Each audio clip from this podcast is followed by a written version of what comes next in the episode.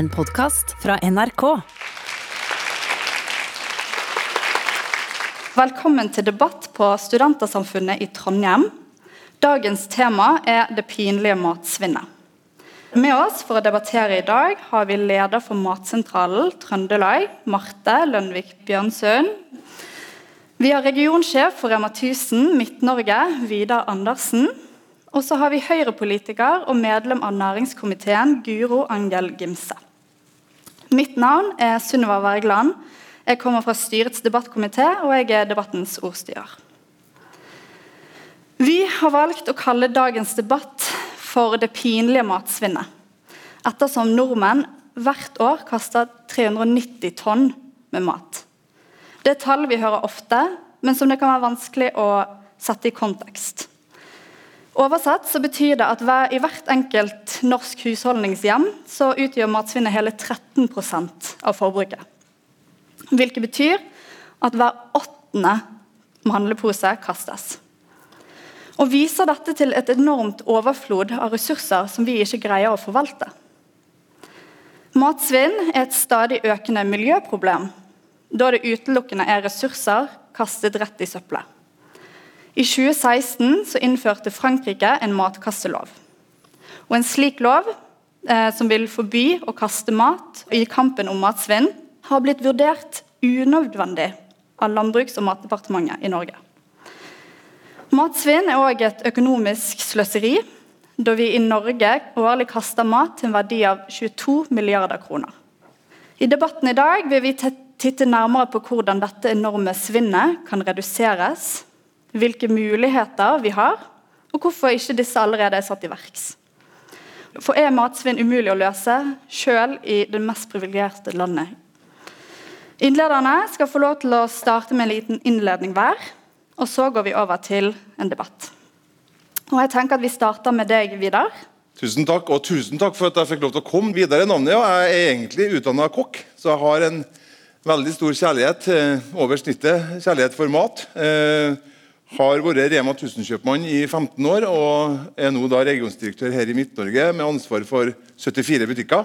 Vi selger varer for 5,5 milliard i fjor, og vi, vi, vi, tar et veldig stort ansvar rundt det med matsvinn. Vi starta i 2015 med et såkalt basisår, der vi bestemte oss at innen 2030, eller 2025 så skulle vi halvere vårt eh, matsvinn. Og Det har vi gjort eh, eh, veldig bra. Vi er på en veldig god reise, og vi klarer å nå det målet med halvering av matsvinn innen 2025. Eh, vi har kommet til 23 prosent eh, er da matsvinnet vårt på i Rema 1000 eh, hittil på den reisen. Eh, det er utrolig artig for meg å si det at i 2020 så hadde vi et rekordår her i Midt-Norge på når det gjelder reduksjon av svinn. Svinnet per butikk utgjorde 0,28% av det av nettosalg. og Det er vi veldig stolt over. og vi har, eh, veldig, vi har forskjellige måter å, å, gjøre det på. Først og fremst med et veldig godt kjøpmannskap, men òg med de her verdikjedene som vi har veldig godt representert her i Trøndelag, på grønnsaker, hvitt kjøtt, rød, rød fisk osv., som jeg kan komme tilbake på senere i, i, i debatten. Når det gjelder kjøpmannskapet og, og, og det som foregår ute i butikk, så ehm, har vi etablert noen veldig gode verktøy, som f.eks. Eh, Beep, som er en oversikt vi har over alle varer. Som, eh, der at vi får varsel da, på når eh, varen er i ferd med å gå ut på dato. Vi har Keepit, som dere kjenner til. Jo svartere denne sensoren er, jo mer holdbar er varen. Som er utrolig gode hjelpemidler for oss å, for oss å eh, redusere matsvinnet eh, ut til oss. Og så gleder jeg meg veldig til debatten eh, etterpå og få de her spørsmålene fra dere. Eh, vi er veldig glad i studentene her i Trondheim. De eh, utgjør en stor del av våre kunder. og I Rema 1000 så sier vi at kundene er vår øverste sjef. Så om jeg ikke skal bli grilla, så, så ser jeg veldig frem til at jeg skal få deres oppfatning av, av oss. Vi er helt avhengig av at dere syns godt om oss. Tusen takk for det. Da tenker jeg Vi kan gå videre til deg, Guro, med din innledning. Ja, tusen takk for det. Guro Angel Imse heter jeg, og jeg er fra Melhus. og Der driver jeg faktisk et gårdsbruk med korn. Men jeg, sitter, jeg har hoveddelen av inntekta mi fra politikerjobben nå på Stortinget.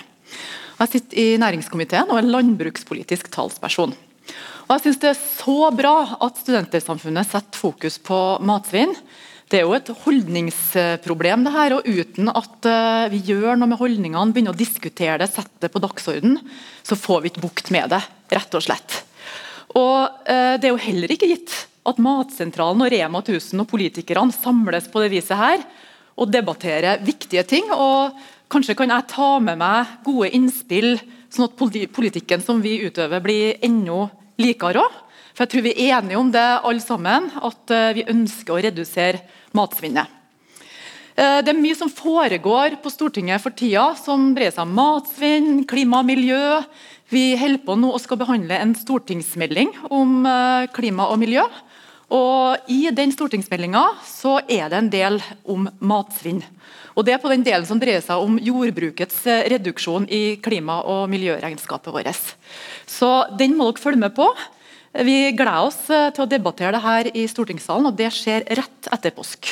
Så I Høyre også, er det viktig for oss å debattere klima og miljø, og matsvinn er òg en del eh, av det nye programmet vårt som vi skal snakke sammen om på landsmøtet i mai. Så jeg vil jo si det at I politikken så foruten koronaregler og koronarestriksjoner og, og eh, kompensasjon til næringslivet, så er kanskje klima og miljø den saken vi debatterer aller mest. Og jeg opplever også at de fleste politikerne på Stortinget har noenlunde lik situasjonsforståelse. Dette er en av de viktigste politiske sakene som vi har på dagsorden i tida framover. Det dreier seg jo om kloden vår rett og slett. Så, så, Det er veldig bra. Og at dere nå er pådrivere her på å invitere oss, det setter jeg veldig pris på. Så Jeg er glad for at dere følger smittevern på den um, profesjonelle måten som dere gjør i dag. Da er det mulig å møte opp. og det her er en av de første debattene jeg har på lenge live. Altså. Alt foregår jo på Teams, og det er jo en befrielse.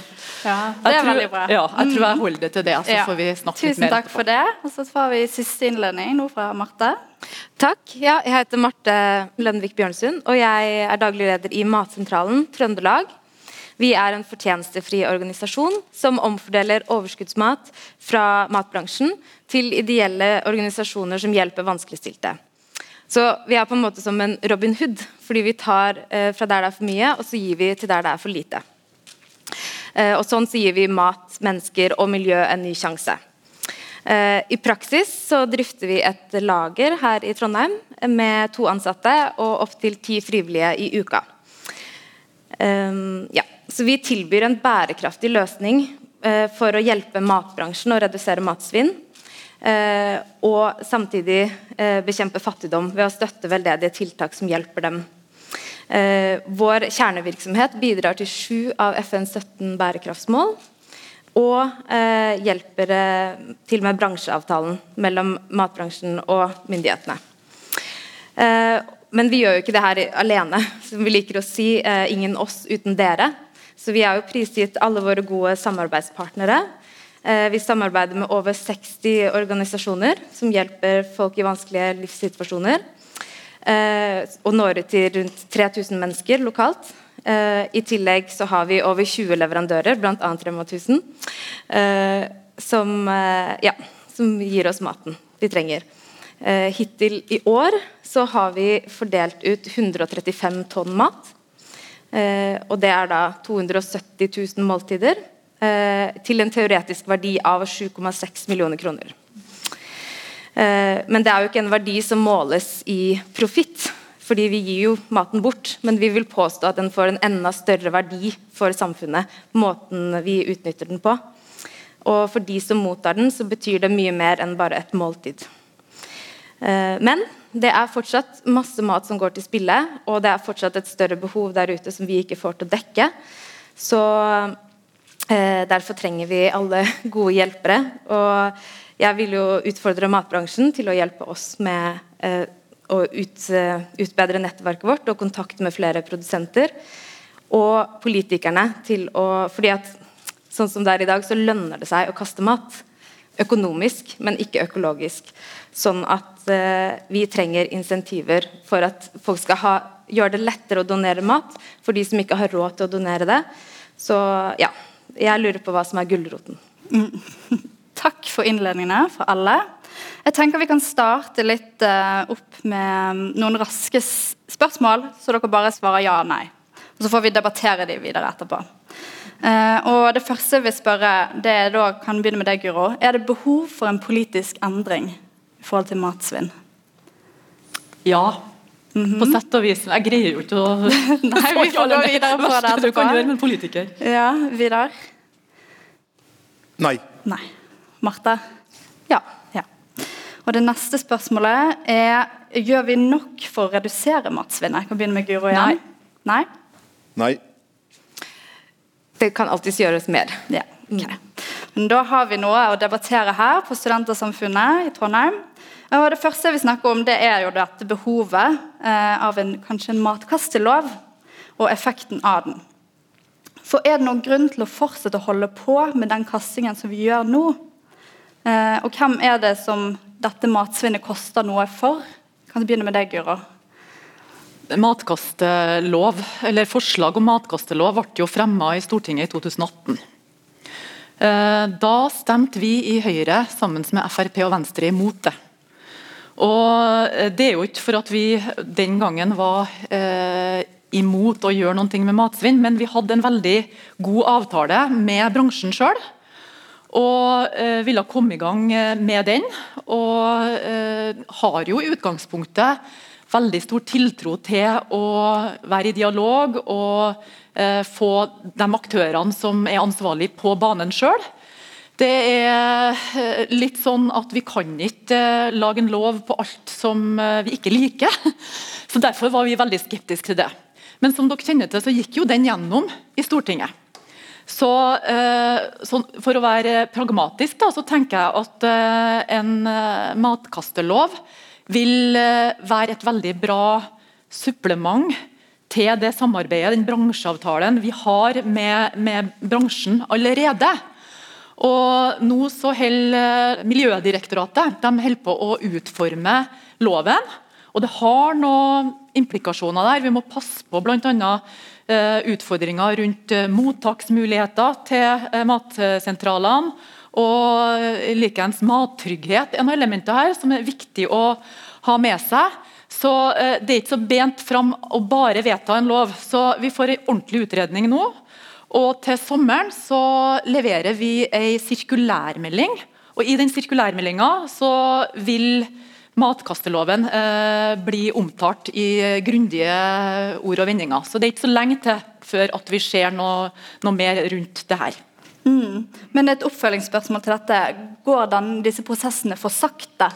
Eh, ja, eh, det, er det så mye mat som kastes mens vi jobber med det her? Ja, nå har vi jo redusert matsvinnet gjennom uh, de her uh, samarbeidsavtalene vi har med næringa med 15% og Vi har jo et mål om å halvere det innen 2030, og det tror jeg vi skal nå. Men nå får vi uh, matkasteloven i tillegg, og jeg tror hvis den blir bra innretta, så, så, vil vi greie å fortsette å, å, nå målene. Så Det er jo ikke sånn at ingenting skjer.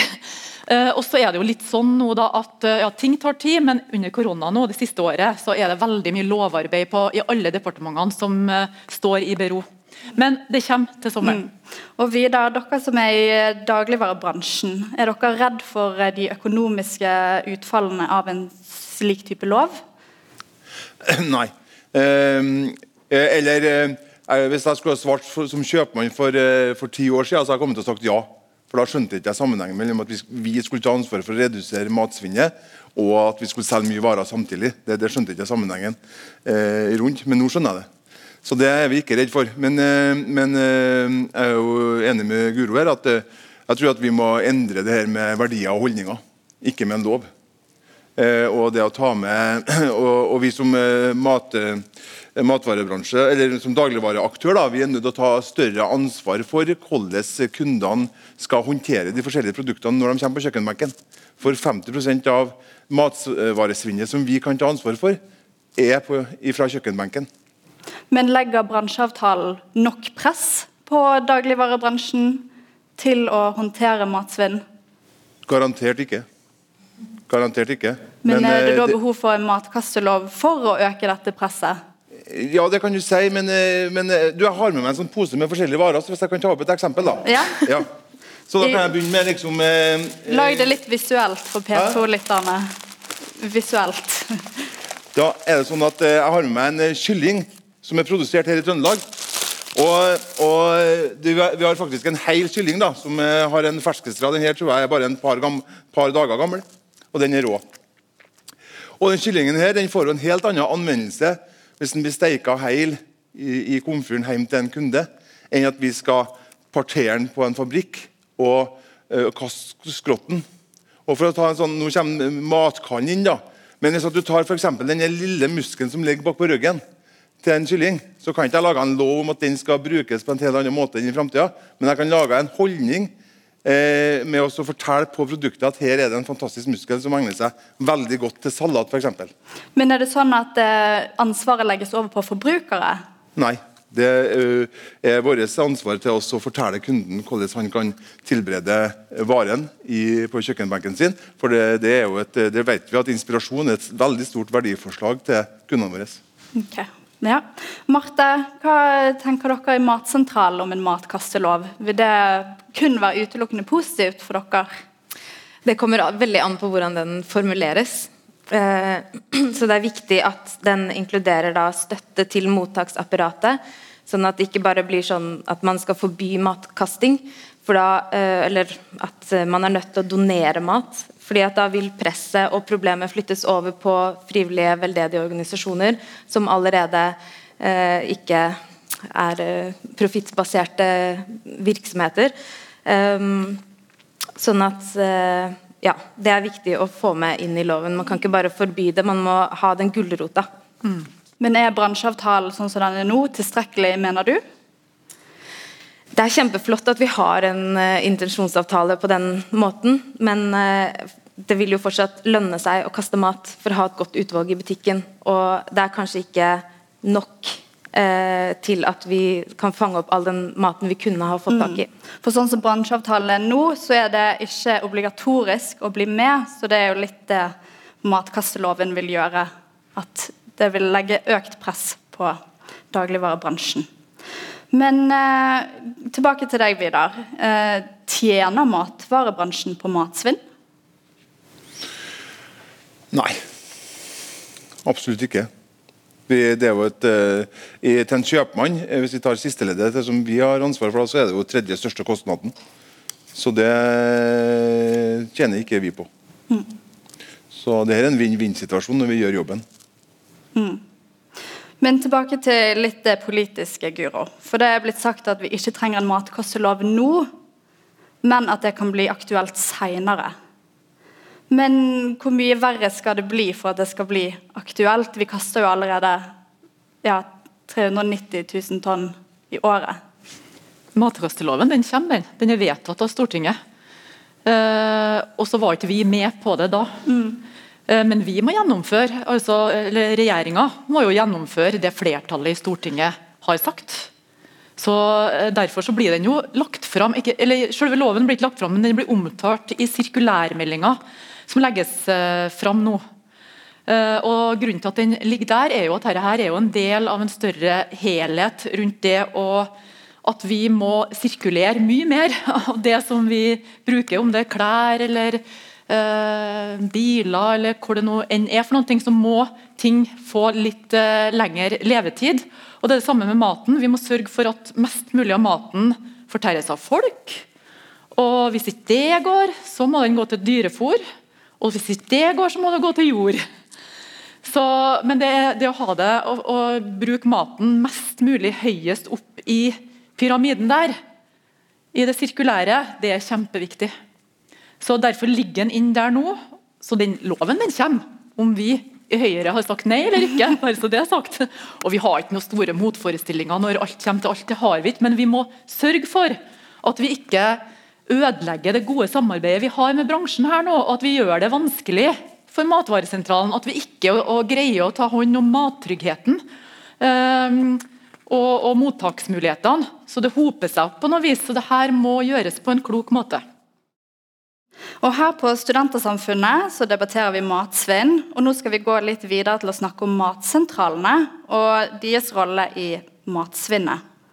Uh, og bare begynne med, Hva er typisk mat som dere får inn, og hva er det som gjør at det er blitt til overskuddsmat? Vi får veldig mye fra dagligvare, fra grossister hovedsakelig. Uh, og den vanligste årsaken er jo at det er kort holdbarhet. Det er dato. Det er fordi man har en standard i bransjen som, uh, som gjør at butikkene har krav på restholdbarhet. Så vi får jo mat som ellers hadde blitt kasta før Eh, den faktisk har gått ut på dato, og før den har fått mulighet til å presenteres for forbrukerne. Mm. Mm. Og si da at uh, Gjennom denne matkasteloven så klarer vi å håndtere matsvinnet mye bedre. Og sånt. Og vi forbrukere klarer å uh, Det blir et bedre forhold mellom forbrukere og dagligvarebransjen. Og dere ender opp med mindre uh, overskuddsmat. Vil det da ikke lenger være behov for matsentraler, eller dekker dere òg et annet behov i samfunnet? Det er jo definitivt et behov for uh, vår målgruppe.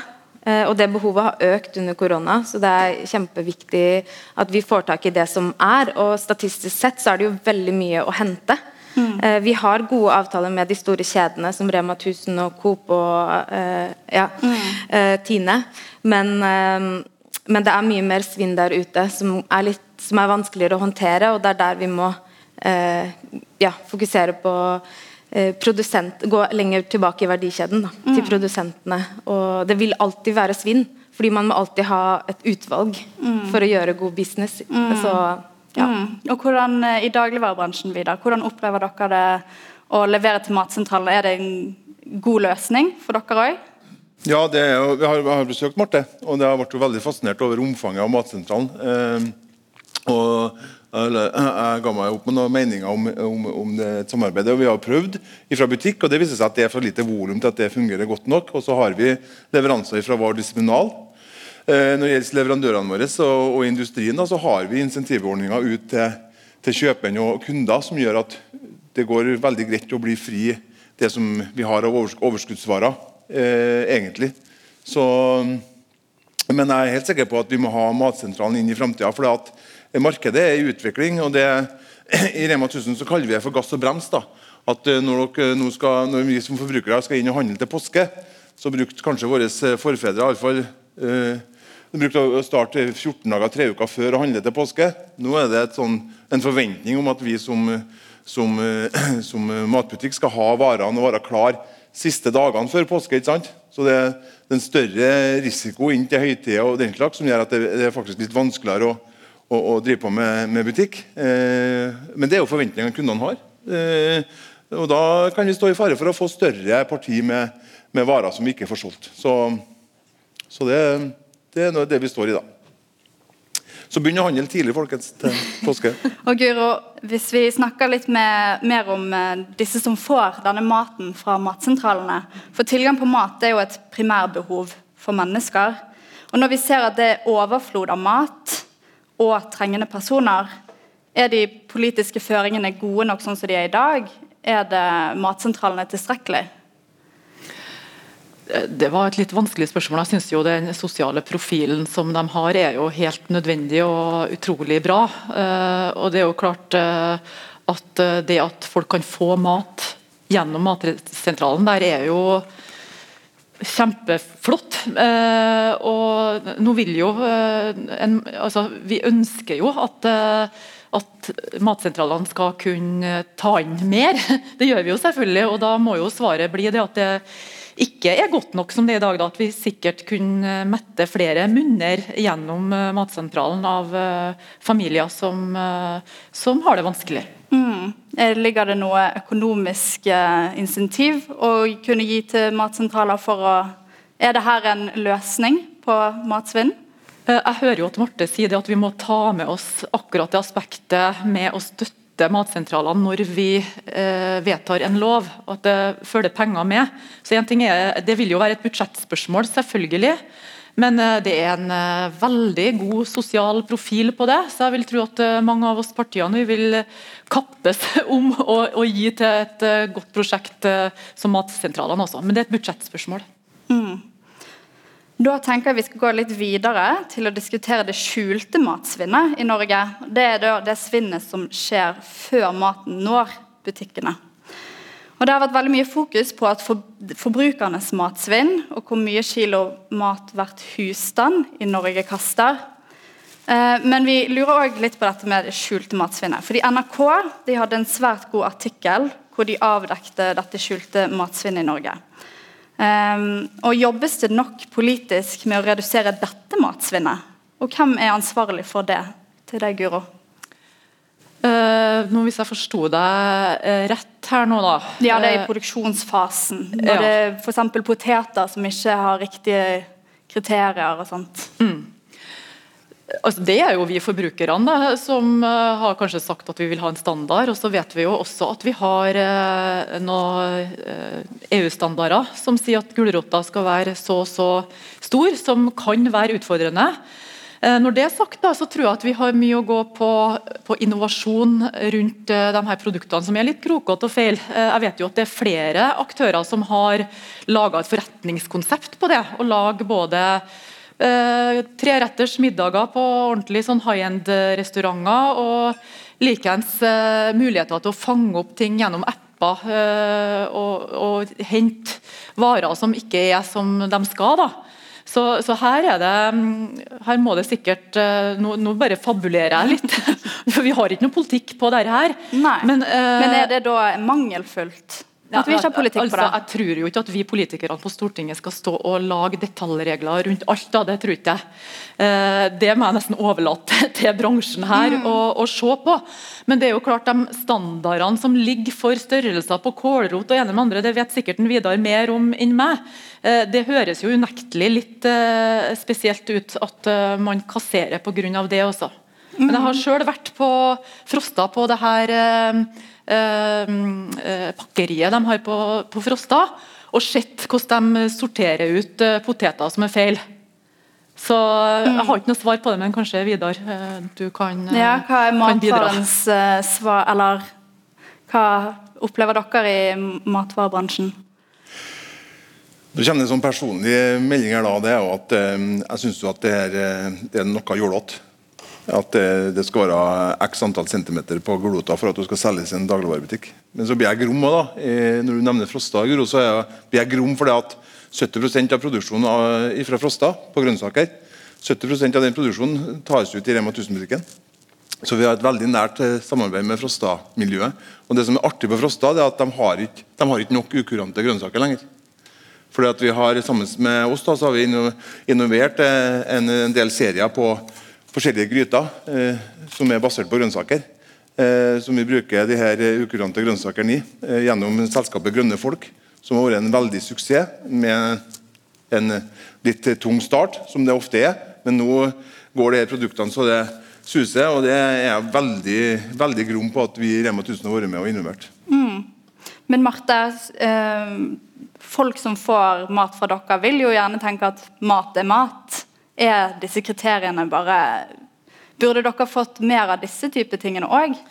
Eh, absolutt. Eh, det er jo litt det vi er interessert i å utforske produsentmiljøet. Så vil jeg bare eh, understreke Vi får støtte fra Landbruks- og matdepartementet i dag hvis du er på statsbudsjettet. Så det handler ikke bare om den økonomien, men også for f.eks. bøndene. Da, at de skal ha råd til å eh, ta ut de snåle grønnsakene og på et eller annet vis få det inn, sånn at vi får brukt det. Så vi har allerede en avtale da med eh, produsentpakkeriet på Frosta og Grønne Folk, mm. eh, som til og med de har overskudd. ja. eh, og hvor vi mottar snåle gulrøtter i dag. Som sendes, eh, mye av det sendes til Oslo, til et foredlingskjøkken i Matsentralen i Oslo. Eh, som lager gulrotsuppe som går tilbake igjen da, til eh, mottakerne. Så det er absolutt et stort potensial mm. der. Og ja, en krokete gulrot smaker like godt som en rett.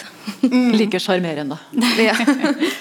Men eh, NRK har òg vært på ballen eh, og hatt Matsjokket, hvor de òg eh, så på eh, hva forbrukere kanskje ikke spiser nok av, sånn som sau. Eh, og Mye av fokuset blir jo lagt på at det er forbrukerne som må få øynene opp for å spise sau. Men Hvorfor blir det produsert så mye sau hvis ikke forbrukerne vil ha det? Subsidierer vi feil type bransje, Guro?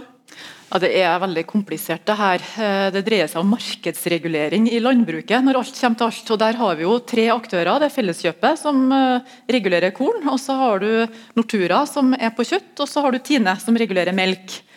Og Det er jo et eh, komplisert opplegg der, med målinger av marked og etterspørsel og prisløyper. og Det er ganske komplisert, altså. Så eh, har de også lager som de uh, fryser ting på, fryselager, Eh, og regulerer ut ifra det. da. Men vi vet jo det at når koronaen kom, så var det jo en overproduksjon som bare det, på, på sau bl.a. Uh, og, og nå er jo lagrene stort sett tømt pga. at grensene er er, er, stengt. Men når det gjelder sau, da, så nå vet ikke jeg helt hvordan eh, Jeg vil tro at det òg eh, gikk nå. Eh, I hvert fall er, har jeg hørt at, at, det er ganske så tomt. Men der går det jo på holdninger. Jeg vet jo at en kokk som heter Viestad annet, har vært uh, veldig på i TV-ruta for å prøve å få oss til å se at sauen er bra. Da. At du kan faktisk uh, lage mat som ikke smaker sau, for det om det er uh, ordentlig gamlesau, for å si det sånn. Så her òg er det en, snakk om holdninger, altså. Rett og slett. Mm. Men i det store bildet så er det veldig vanskelig å regulere, og de er dyktige, da, de her her aktørene som uh, gjør det på vegne av uh, næringa i norske folk, det er de, men treff treffe like godt hele tida, det er vanskelig. Mm. Og I dagligvarebransjen, kunne dere løst dette problemet med sau, da, f.eks. med å ha supersalg på sau for at forbrukere skal spise det? Ja, litt begge deler. Vi starter jo nå å selge lammelår til 69 kroner kiloen. Så fikk jeg satt inn det da. Men, eh, til påske. Men eh, bare sånn eh, eh, lammelår og rosmarin. vet du, da Det er artig å snakke om rosmarin. Det er med en pakke her. Og det her er en sånn grep rundt matvaresvinn. For den ble solgt i potte tidligere ikke sant? med jord.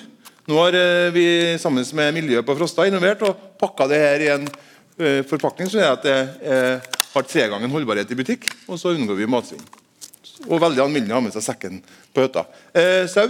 Eh, vi har et stort ansvar, og vi tar et stort ansvar der. Eh, en ting er å ta ut volumet på lammelår nå eh, til påske når det er høytid. En annen ting er å, å innovere nye produkter. Eh, veldig stolt av å kunne si at vi har eksempel, gjort noe med bogen.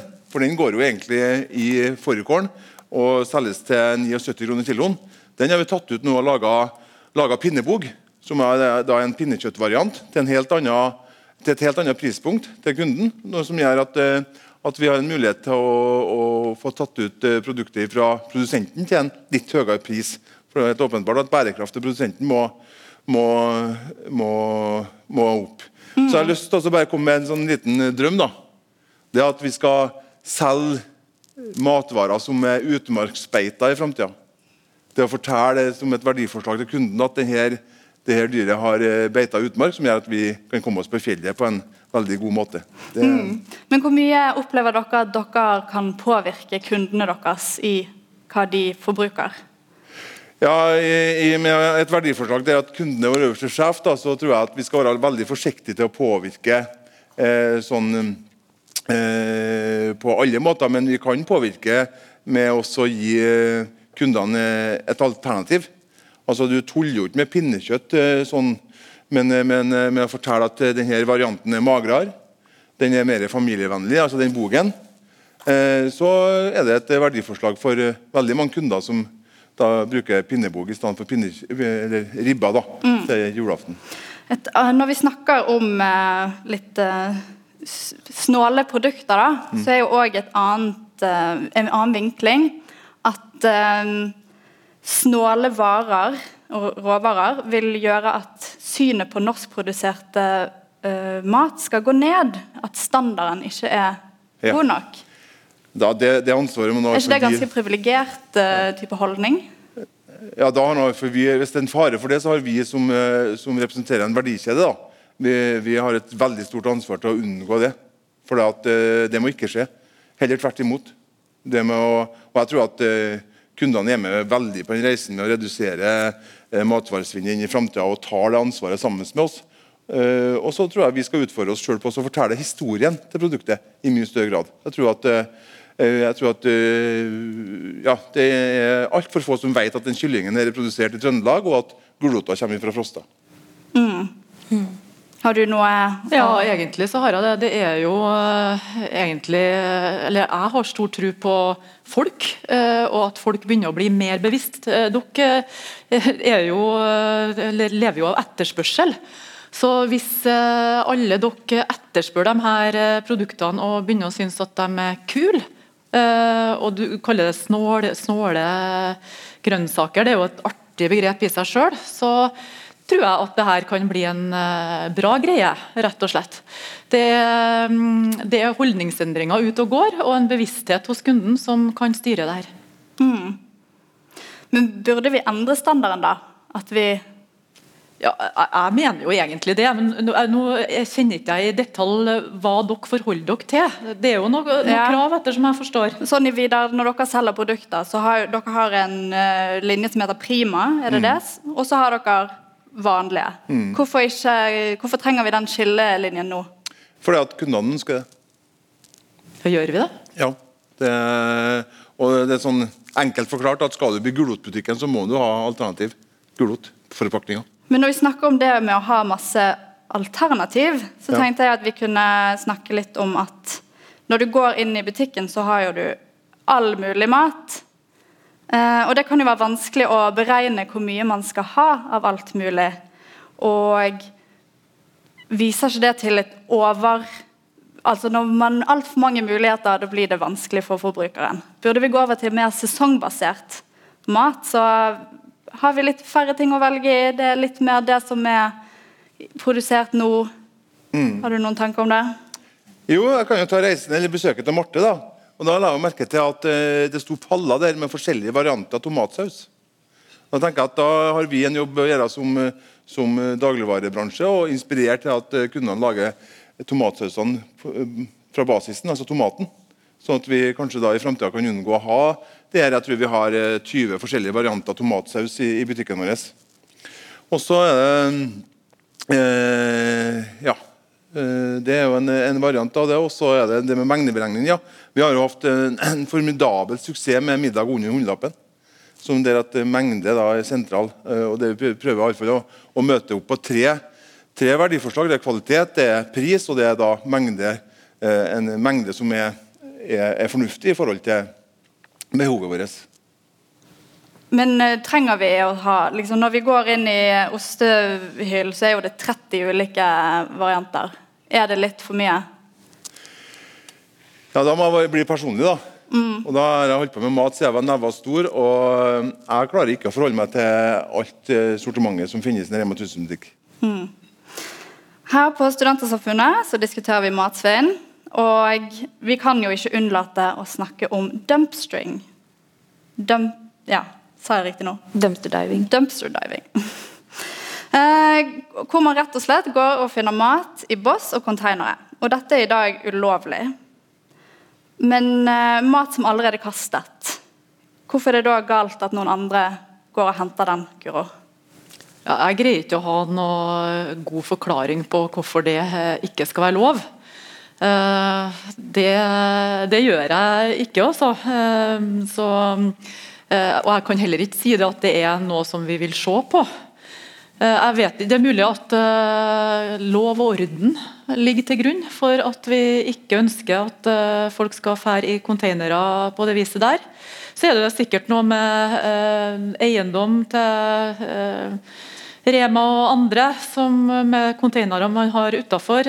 ikke vet jeg, men det er mulig du Vidar har greie på grunnen. Ja, det svarer er veldig enkelt. da, det er jo at det er matvaresikkerhet. Mm. At I det øyeblikket at vi kaster varen i en dunk, så har vi, har vi ubrutt kjølekjede, og, og ferskvarer blir utsatt for varme. ikke sant? Ja. Da, da, så det er av sikkerheten til de som finner maten? Ja, ja. At, men tror ikke du at folk klarer å ta den vurderingen sjøl? Jo, men det er kjøpmannen som er et stort ansvar for at det er søppeldunken hans, og, og det er tilgjengelig. Så I en matforgiftning så vil det fortsatt være sånn at kjøpmannen kan stilles, eller vi som, som, eh, som merkevare da, kan stilles ansvarlig. Så er det veldig gledelig å se at det her begynner å bli utrolig lite volum. For vi ser at denne 50 %-avdelinga i, i, den einplaneren vi har i, i Ferskvaregata, blir mer og mer populær. Så det blir mindre og mindre i søppeldunken. Men hva om man hadde hatt en eh, kjølesøppeldunker, da? Ja, så har du det med at uh, Vi har jo to forskjellige datostemplinger i Norge. Det er siste forbruksdag og så er det best før. Og Den siste forbruksdag er jo veldig streng. Det kan vi faktisk ikke som, som eh, dagligvareaktør tilby varen til en, eh, til en kunde etter siste forbruksdag. Det har vi ikke lov til. Martha, hadde du noe å si? Ja, jeg tenker I forhold til sånn siste forbruksvarer så kunne det ha blitt fryst inn. For eksempel. mm. Man kunne ha tatt vare på kjølekjeden før den ble kasta. Altså unngå at det blir matsvinn mm. hvis det tas direkte fra butikken og doneres f.eks. Mm. Eh, så det jeg tror det handler om, eller jeg antar det handler om ressursbruk òg. Man har jo Too Good To Go for eksempel, også, mm. men det krever jo at en lønna ansatt gjør den jobben.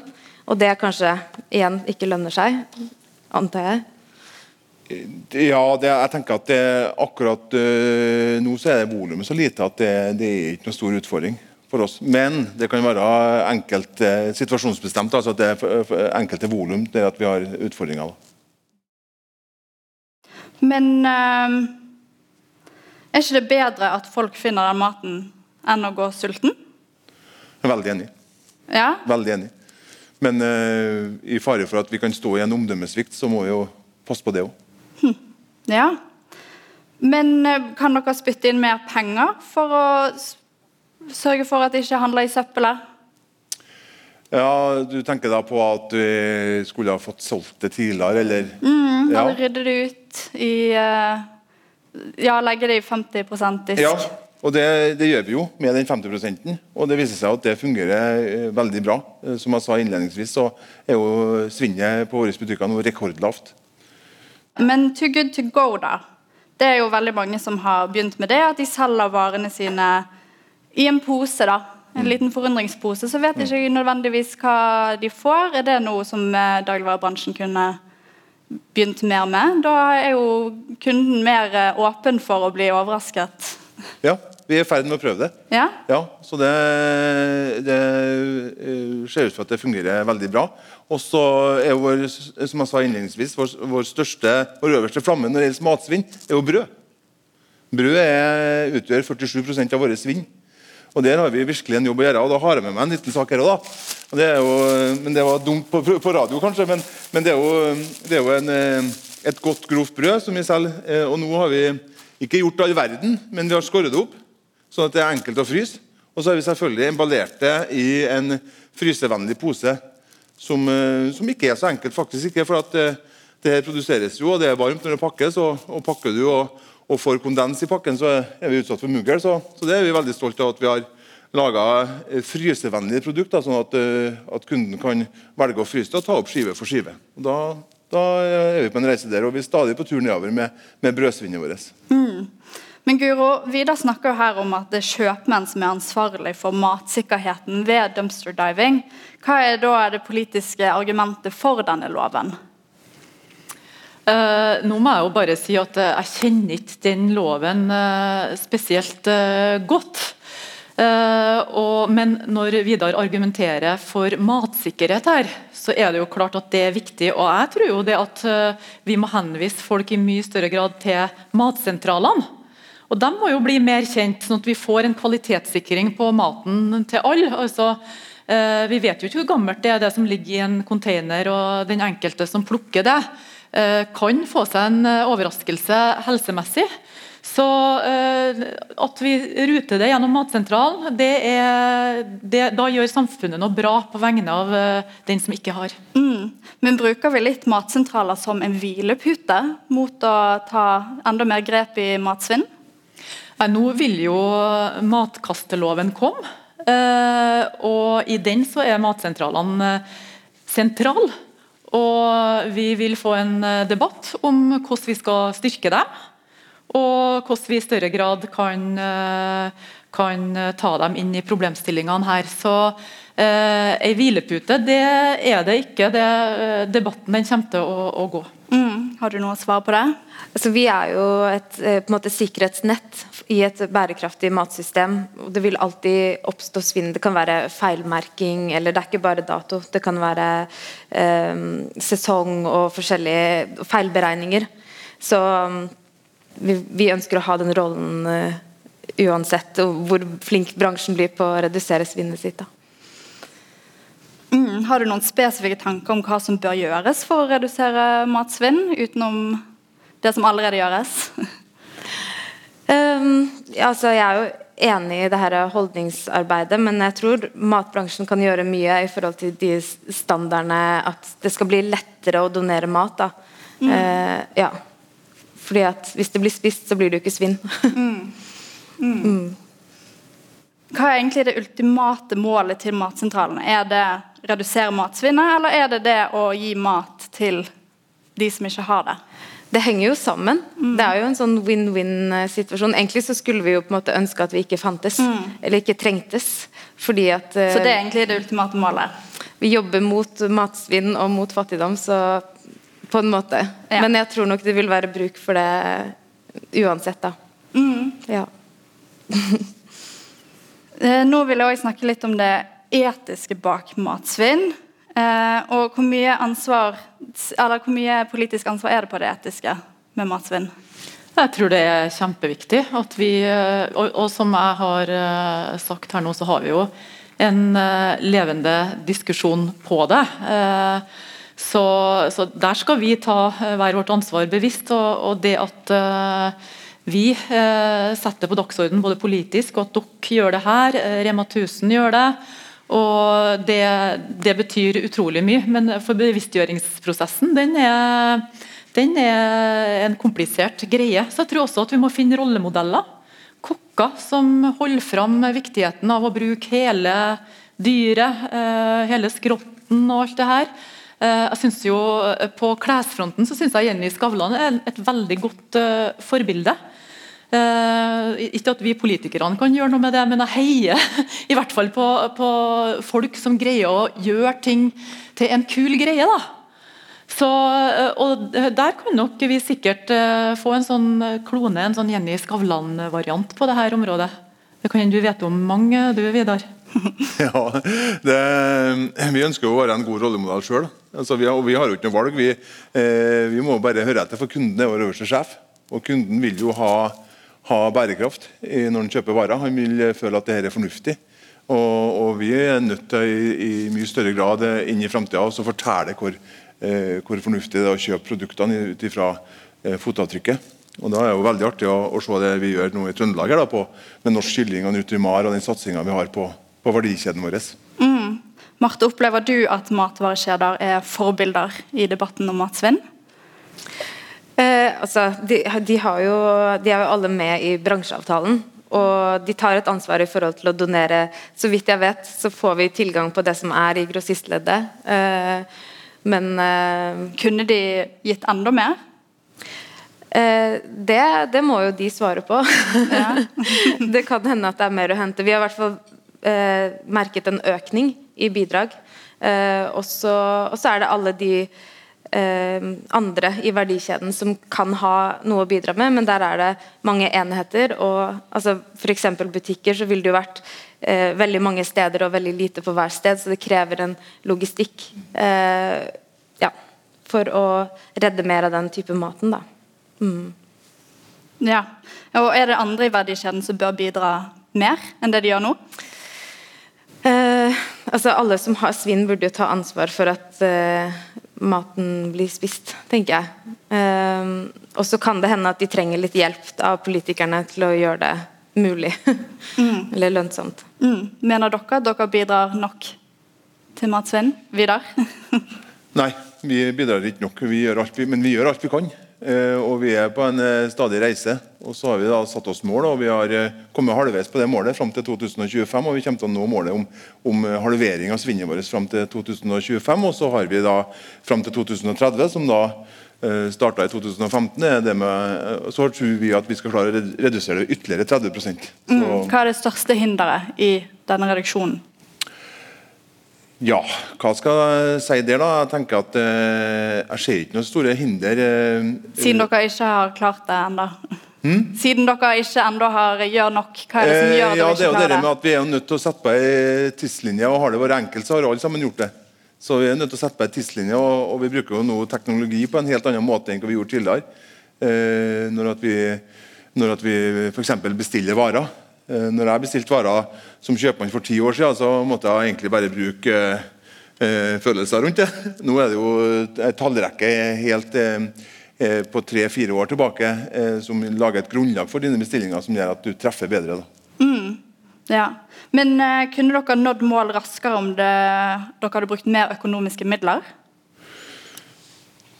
Eh, nå er det jo en eh, stor økonomisk verdi for oss å redusere matsvinnet. Mm. for det er jo med å, å øke lønnsomheten eh, til oss som verdikjede. Og, og så bruker vi noe av den lønnsomheten til å sette ned prisene ytterligere. Så eh, jeg tenker at, eh, at det her er en sånn vinn-vinn uansett. Mm. tenkte jeg skulle avslutte med å snakke litt om eh, holdninger. Fordi det ses eh, at tidligere generasjoner var veldig nøysomme og har hatt mindre matsvinn. Eh, ser vi et generasjonsskifte nå, og hva er det vi kan gjøre med det, Guro? Ja, Det er et veldig godt spørsmål. Jeg har foreldre sjøl som er 82 år, og har alltid gått gjennom kjøleskapet deres og småkjefta litt på dem når jeg finner ting som har gått ut på dato. Eh, Og har vært egentlig litt sånn eh, allergisk mot å se produkter som har gått ut på dato, og har ikke brukt lukt og, og, og det å besiktige matvaren. eh, Jeg har bare sett helt eh, isolert på datoen. Også, så eh, Der tror jeg eh, vi har en, eh, en vei å gå. Så Tidligere generasjoner eh, har lært seg til å ta på og lukte på og kjenne etter, og er ikke så nøye på det med datoen. De er nøye på, på produktet, dem, at det er, er bra. Så, men så har jeg litt sånn håp for den nye generasjonen. Bare at dere setter det her på dagsorden viser jo at det er godt mulig at dere tenker annerledes på det enn min generasjon.